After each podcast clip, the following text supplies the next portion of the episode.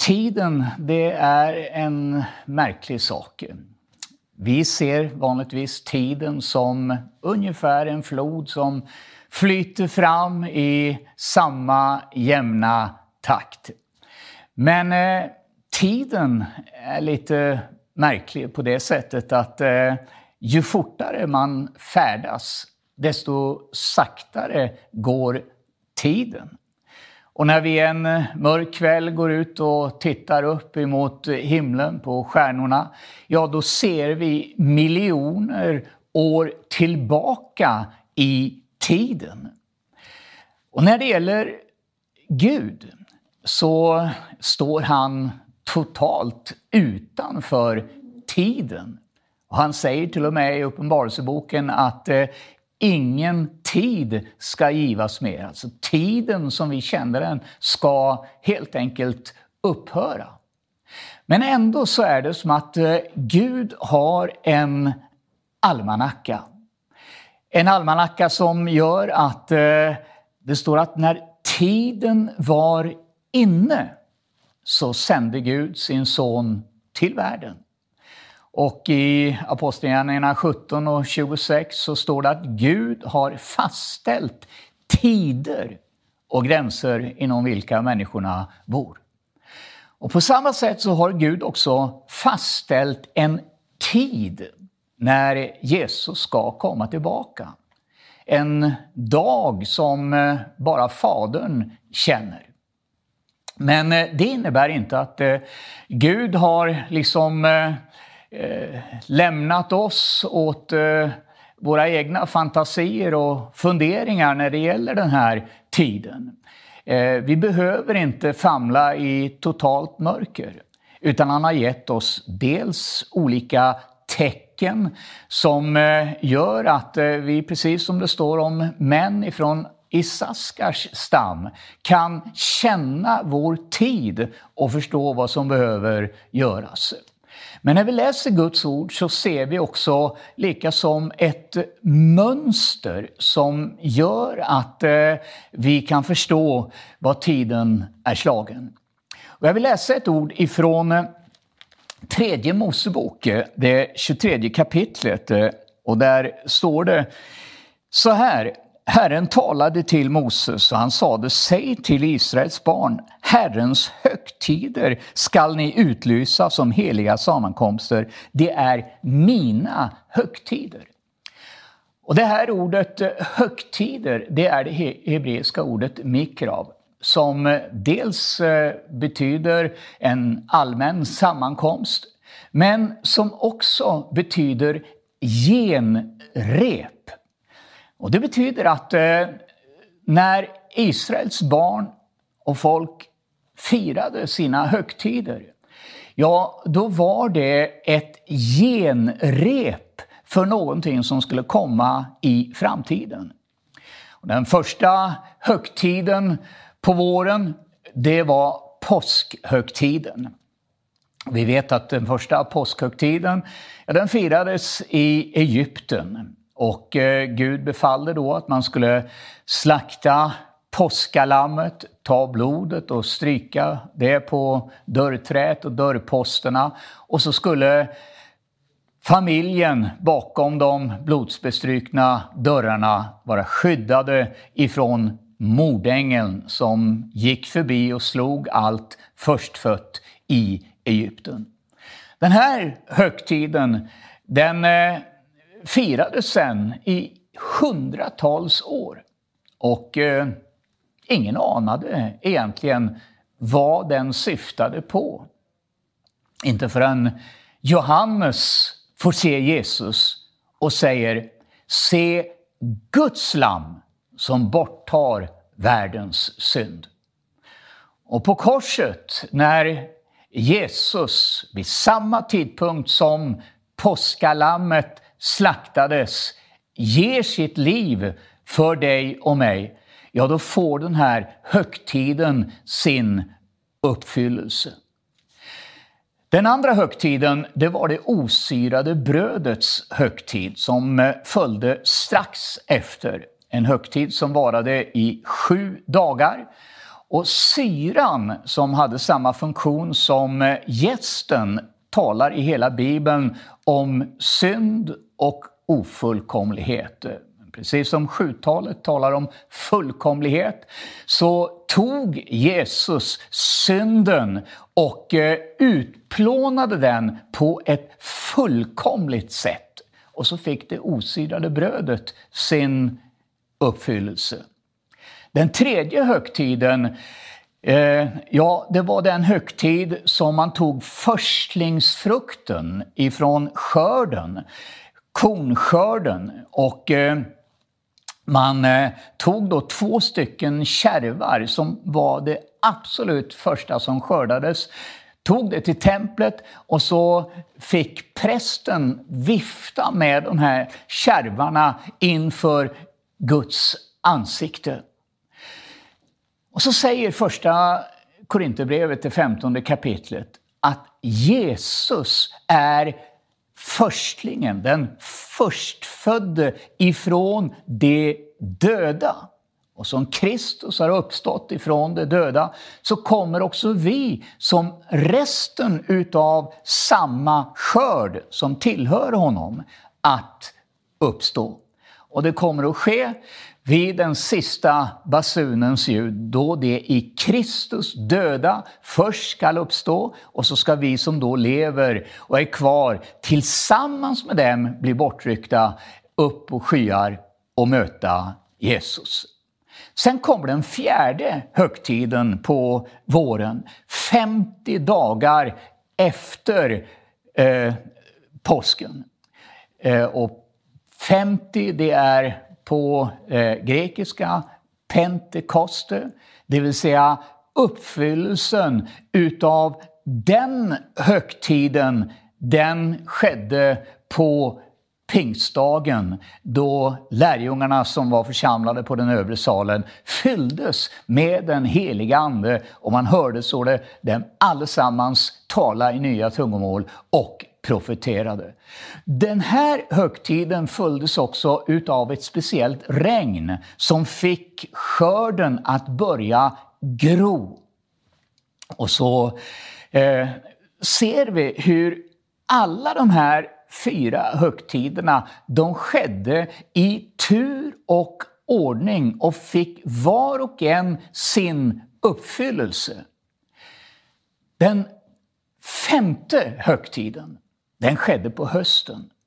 Och det är den högtid som Bibeln kallar för trumpethögtiden, Rosh Hashana, som var det judiska nyåret. Och under den här högtiden så blåste man i trumpet eller basun. Och det var naturligtvis inte något bläckinstrument alla Louis Armstrong man blåste i, utan eh, det var i vädurshornet. Ett horn som tog ifrån, togs ifrån samma typ av bock eller vädur som eh, Abraham fann i törnsnåret som en ersättning för Isak som han hade tänkt offra. Så det här hornet som han blåste i, ja, det talar också om Jesus. Det intressanta är att man eh, hade fyra olika signaler i det här hornet. Eh, och eh, den första signalen, som kallas för teroa, det var en lång utdragen signal som talade om att nu är det någonting nytt som håller på att hända. Det var också den signal som man använde när kungen var i antågande. Och eh, den andra signalen som eh, kallas för Shevarim, det var tre stycken eh, kortare signaler som lät nästan som ett barns gråt och, och som talade om klagan. Men samtidigt också om glädje över det nya året. Klagan över synderna som hade varit och som han hade begått under det gångna året. Men glädje över att nu var det ett nytt oskrivet blad som var på gång. Ett nytt år, en ny begynnelse.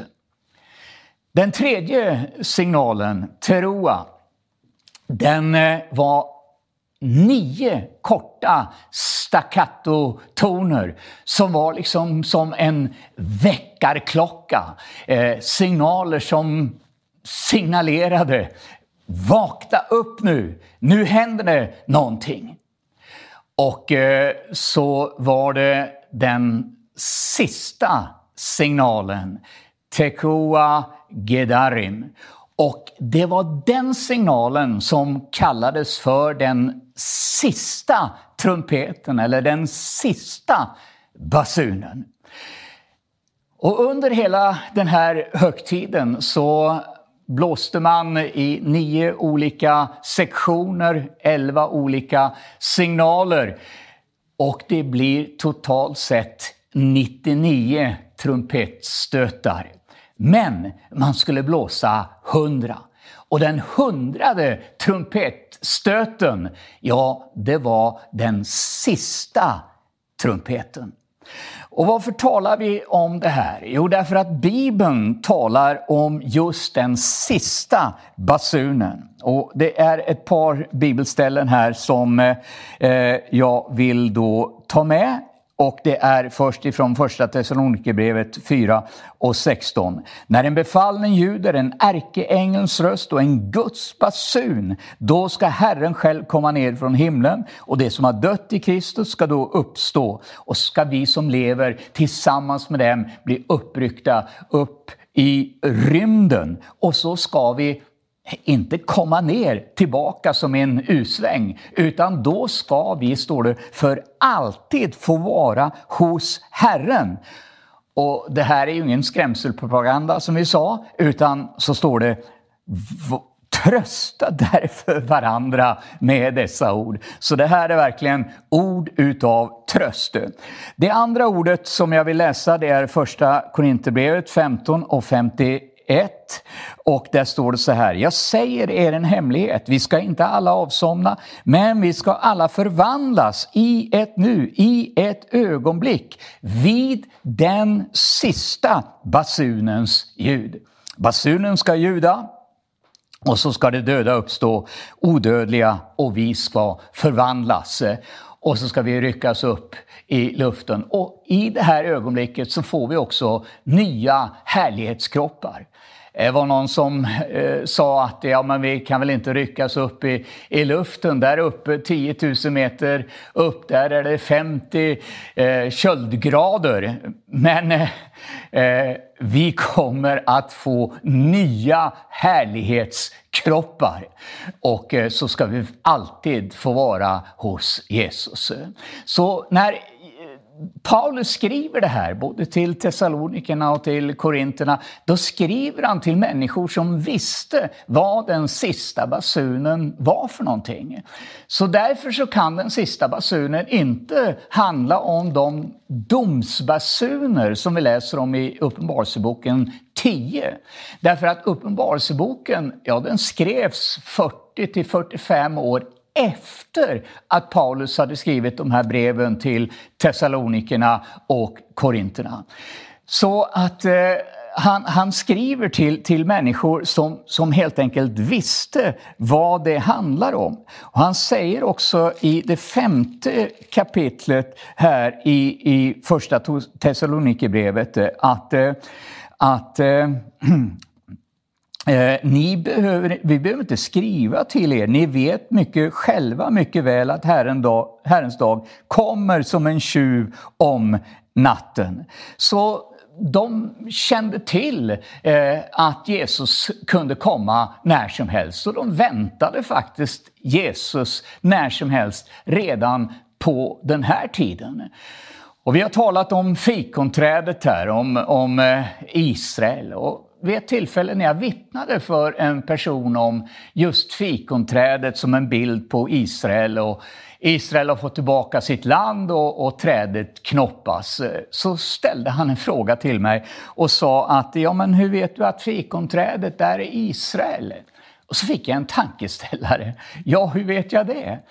Och så fick jag slå upp Bibeln och så fick jag läsa ifrån eh, Hosea, det nionde kapitlet och den elfte versen. Och där står det så här. Som druvor i öknen fann jag Israel som förstlingsfrukter på fikonträdet när det börjar att bära frukt. Och, och likaså står det också i Höga Visan, det andra kapitlet och den trettonde versen om fikonträdets frukter som rodnar och vinträdets eh, blommor som eh, börjar att eh, sprida sin doft. Och då säger brudgummen till bruden Kom min sköna. Och det är det här ropet som vi hör nu i vårt hjärta. Brudgummen som ropar Kom!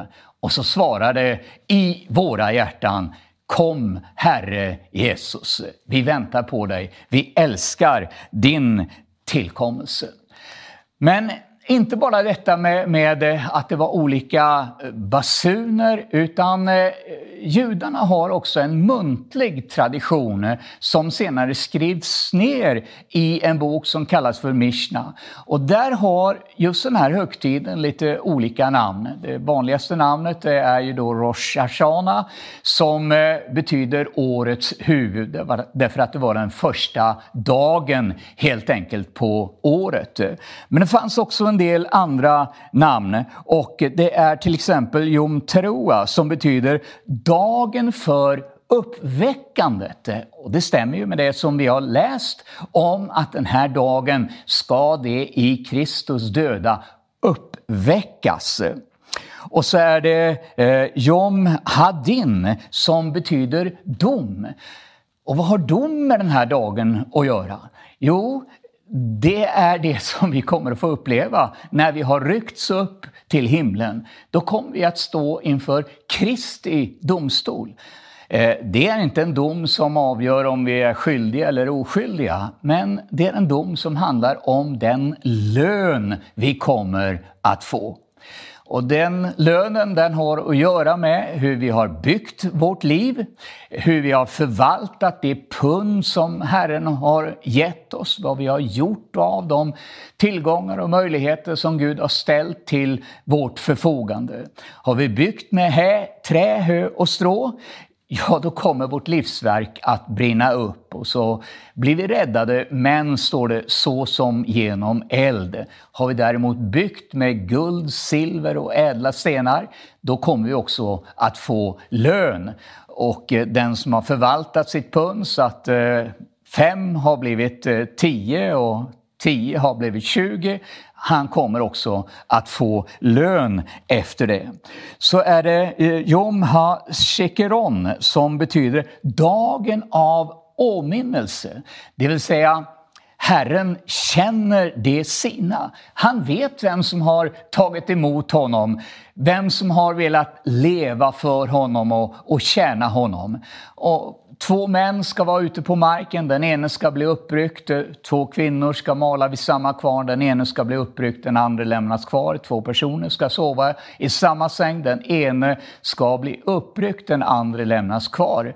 Så Herren minns och kommer ihåg vem som har tagit emot honom och tillhör honom.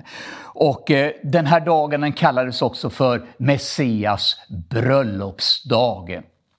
Och eh, ett bröllop eh, på Israels, eh, eller judarnas tid när det här skrevs, det var någonting annorlunda än vad ett bröllop är idag. Det hade också att göra med trolovning. Och att bryta en trolovning, det var ungefär som att eh, bryta ett äktenskap. Det som skedde vid trolovningsceremonin det var bland annat att eh, brudgummen lyfte en bägare med vin, drack utav den och sa jag lovar att inte dricka någonting utav denna dryck förrän vi ses i mitt hem.